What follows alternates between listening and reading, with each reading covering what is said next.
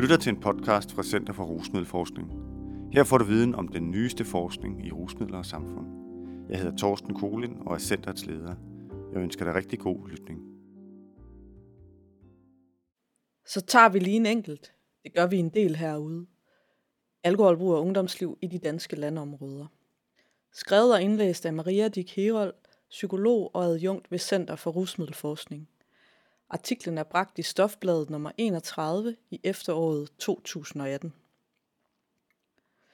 I både den danske og den internationale rusmiddelforskning fokuseres intensivt på unges alkoholbrug. Primært som det udspiller sig i de større byer, og primært det fuldskabsorienterede forbrug. Men hvordan kan vi forstå alkoholens betydning for unge i de danske landområder?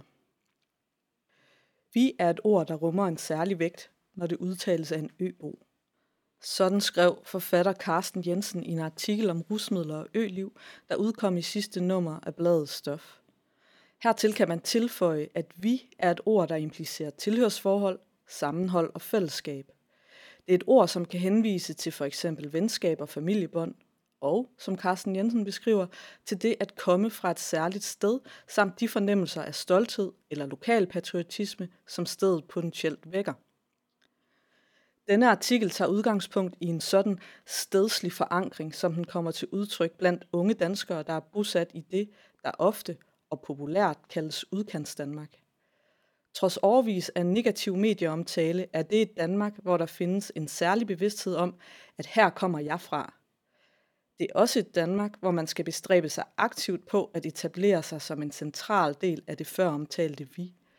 Og i den bestræbelse spiller alkoholen og særligt øllen en vigtig rolle. Også for unge mennesker mellem 18 og 25 år. Øllen er altså vigtig. Ikke kun som et beruselsesmiddel, men også som et middel til at skabe og fortløbende genskabe fornemmelsen af at have et lokalt, stedsligt tilhørsforhold. Præcis dette og hvordan det ser ud blandt unge i landområderne, skal vi se nærmere på her. Men først vil jeg kort skitsere, hvad det blandt andet indebærer at leve et ungdomsliv i de danske landområder. At være ung på landet. At leve et ungdomsliv i byerne og på landet har naturligvis en hel del fællestræk, men samtidig er der nogle strukturelle forhold, som manifesterer sig forskelligt. Et godt eksempel på det er planen om uddannelse til alle, herunder regeringens nu tidligere målsætning om, at 95 procent af en ungdomsårgang skal gennemføre en ungdomsuddannelse. Der eksisterer altså et krav om uddannelse, som er fælles for alle unge, uanset hvor de bor. Men for unge i landområderne betyder det ofte, at de enten må flytte, pendle langt eller vælge en af de få uddannelsesmuligheder, som lokalområdet byder på, hvis de ønsker at blive boende. Alternativt opfattes særligt drengene nemt som såkaldte taberdrenge, og det er da også ofte drengene, der gror fast på landet, mens pigerne har det med at flytte væk. For de unge i byerne er ungdomsuddannelsen ofte anderledes tæt på, og de behøver først senere at flytte eller pendle mod landets uddannelsescentre, hvis overhovedet.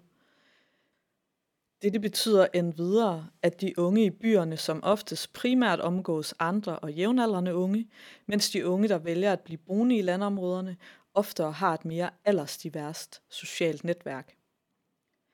Et andet og helt anderledes eksempel vedrører de unges deltagelse i det, der inden for forskningen kaldes nattelivsøkonomien. Mens mange unge, uanset hvor de bor, i perioder tiltrækkes af byrummets beværtningsmuligheder, så er diversiteten i landområderne bare mindre end i byerne, hvis der overhovedet er nogle beværtningsmuligheder. I hvert fald kræver en bytur, at man kan finde måder at komme frem og tilbage på, eller at man finder overnatningsmuligheder i byen. Disse eksempler lyder måske umiddelbart som om, at det er kedeligt eller mulighedsforladt at leve et ungdomsliv på landet.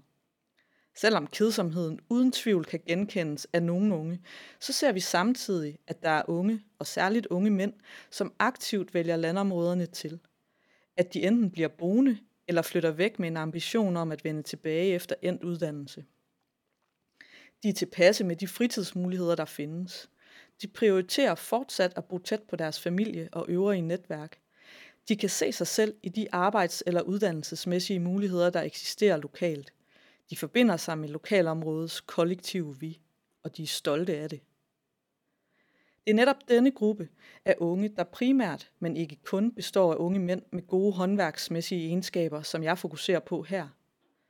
Det vil jeg gøre med udgangspunkt i de unges egne fortællinger om alkoholbrug og ungdomsliv. Fortællingerne stammer fra en række kvalitative interviews, som blev lavet af mig og mine kollegaer i forbindelse med et større forskningsprojekt omkring alkoholberuselse, unge og køn. En enkelt, det hører hverdagene til. Sådan siger Natasha, en ung kvinde, som netop i kraft af sit køn er i klart mindretal i sit netværk. Men hun er alligevel med i gruppen, og vi er en betegnelse, der går flittigt igen, når hun fortæller om sig selv og sine venner, hvordan de bruger alkohol og om det hverdagsliv, de lever. Natasha bor i en lille landsby med omkring 200 indbyggere. Som de andre unge, vi har interviewet i landområderne, har hun langt til Danmarks største byer.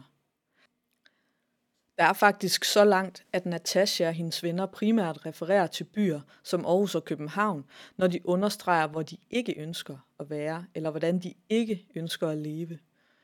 Aarhus og København ligger med andre ord langt væk fra Natasha i mere end en forstand. Og nu til øllet og til hverdagen. Det er lørdag formiddag. Jeg er på besøg hos Jesper, som bor i en anden lille by. Han har en læreplads på havnen, og han er i arbejdstøj, da jeg dukker op for at interviewe ham til vores forskningsprojekt. Vil du have en øl? spørger han som noget af det første. Jeg tager imod en cola, og kan sikkert ligesom Jesper mærke, at der er langt til Aarhus i mere end en forstand. Afstanden bliver lidt mindre, da jeg fortæller ham, at jeg selv er vokset op i en lille by på heden. Jesper og Natasha har det til fælles med en del af de andre unge, som vi interviewede i landområderne, at de i mange tilfælde tilgår øllen som en enkelt. Som en måde at byde velkommen på, som en måde at sige tak på, som en måde at lave aftaler på, eller på anden vis som en vej ind i det lokale fællesskab. Det er det der vi igen. Øllen har hjemme mange forskellige steder. Den hører ikke kun til på den lokale kro, eller når der skal varmes op inden en tur i byen. Den har sin berettigelse både en lørdag formiddag i Jespers stue, eller når han mødes med nogle af de andre for at makke i båd eller bil. Den har hjemme i fyrrummet, i værkstedet, i garagen. Øllen har et alsidigt liv på landet. Den er en vigtig vej ind i fællesskabet, og den fører til andet end beruselse. Det falder naturligt, at man hjælper hinanden med mange forskellige praktiske ting, hvilket indebærer et indgående kendskab til, hvad der sker i lokalområdet, og en god viden om, hvem der kan hvad. Dette kendetegner de unges beskrivelser af lokalsamfundet, og herunder brugen af en enkelt, som blandt andet muliggør central deltagelse i forskellige lokale sammenhænge og vidensdeling. Ungdomsliv og alkoholbrug. Et kønnet landskab. Selvom jeg har introduceret både Natasha og Jesper i denne artikel, så har det faktisk betydning, om man er dreng eller pige, når man indgår i de forskellige alkoholrelaterede sammenhænge, som jeg kort har skitseret ovenfor. Og det har måske især en betydning, hvordan man er dreng eller pige.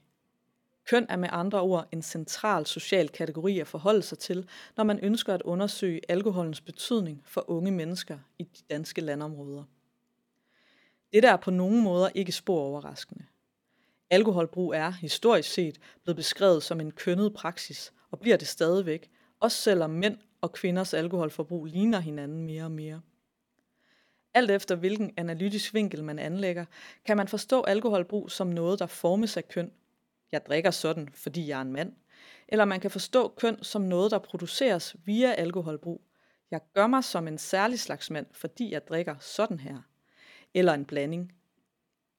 Køn og alkoholbrug og særlig maskulinitet og alkoholbrug, er i alle tilfælde tæt forbundne størrelser. Og at drikke alkohol, særligt at drikke sig fuld, bliver i højere grad forbundet med mænd og maskulinitet, end det bliver forbundet med kvinder og femininitet. Man kan således argumentere for, at alkoholbrug kan defineres som en kønnet praksis, uanset om vi vender blikket mod Indre København eller mod det yderste Jylland.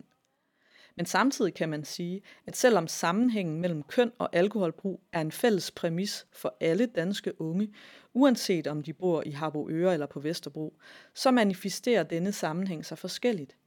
Lidt ligesom vi så med uddannelseskravet og nattelivets insisterende kalden. Det er denne kønsgeografiske forskel, og særligt som den viser sig i relation til de unges aktive bestræbelser på at indgå i landområdernes kollektive vi, som vi skal se nærmere på i sidste del af artiklen. Pigerne flytter, fortæller Dennis. Der er snart ikke flere tilbage. Men det er jo egentlig ikke så mærkeligt, mener han. For hvad skal de lave herude, når de fleste arbejdspladser, der er tilbage, er præget af en særlig form for maskulinitet, som primært de unge mænd formår eller har lyst til at begå sig i? Det er nu ikke fordi, at alle de unge kvinder flytter. Natasha for eksempel, hun arbejder som social- og sundhedshjælper, mens Mia gerne vil ind i herren, og Karen arbejder som alt mulig person i sin fars firma. Ligesom de unge mænd, som udgør størstedelen af deres sociale netværk, har ingen af dem planer om at flytte. Natasha, Mia og Karen hører til, hvor de bor, og de deltager aktivt i deres lokalområde, inklusiv hverdagens alkoholrelaterede sammenhænge og begivenheder. Men samtidig er deres fortællinger præget af, at de må navigere i et udpræget maskulint univers som unge kvinder. Drengepiger, som de ofte kalder sig. De er piger, der på mange måder ikke oplever at passe ind i de former for urban femininitet, som de forbinder med alkoholbrug i byen og byrummet. For eksempel måden at danse og flytte på, når man er på klub, eller fordringen om at holde en passende balance mellem at være tilpasfuld og ikke for fuld. For Natasha er det meget mere enkelt. Hvis jeg ikke har fået asfalteksem, så har det ikke været en god bytur, siger hun med et glimt i øjet. For Natasha, Karen og Mia er beruselse ikke et maskulin privilegie. For dem giver det ikke sig selv, hvem der kører hjem, når fyrrumsmødet er slut. Men piger som Natasha, Mia og Karen må alligevel arbejde flittigt på at definere sig i relation til det rurale drengesamvær, som de føler så stor tilknytning til. Det kræver med andre ord en aktiv indsats, hvis man vil være en af dem, der bliver inviteret med til fyrrumsmøde, når man er pige, og desuden at lære at navigere i et fyrrum, når man hverken møder op i kedeldragt eller er særligt interesseret i at makke i bil. Hverdagsøl og lokal forankring. Det kræver altså en særlig indsats for unge kvinder i landområderne at blive aktive deltagere i de alkoholrelaterede sammenhænge. At navigere i et kønnet landskab, som er præget af nogle særlige maskulinitetsidealer, og som fordrer, at man kan leve med og leve i de kønnede normer, som gælder. Men samtidig er det vigtigt at gentage, at følelsen af at høre til ofte også fordrer aktive bestræbelser af de unge mænd. Blandt andet, at de helst skal kunne noget særligt med deres hænder. Have relevant viden om, hvad der foregår i lokalsamfundet, og at de andre skal vide, hvem de er og hvad de kan. Her spiller den enkelte, hverdagsøllen, en særlig rolle. Endelig er det vigtigt at pointere, at alt imens dette kønnede landskab privilegerer nogle bestemte måder at være dreng eller ung mand på lokalt, så er disse måder at gebærde sig på ikke i specielt høj kurs på nationalt plan. Dette, mener jeg, gør det ekstra vigtigt at fremhæve, at selvom de primært unge mænd, som vælger at blive boende i landområderne, nemt kan betragtes som passive, immobile, i relation til tidens herskende uddannelses- og mobilitetsfordringer, så formår de at etablere og opretholde et positivt og aktivt tilhørsforhold til deres lokalområder. Et lokalt forankret fællesskab, der som minimum styrkes eller måske endda muliggøres af den enkelte. Af vores øl, som der stod på Jespers køleskab. Artiklens referencer læses ikke op, men kan findes i artiklen i Stofbladet eller online på www.stofbladet.dk.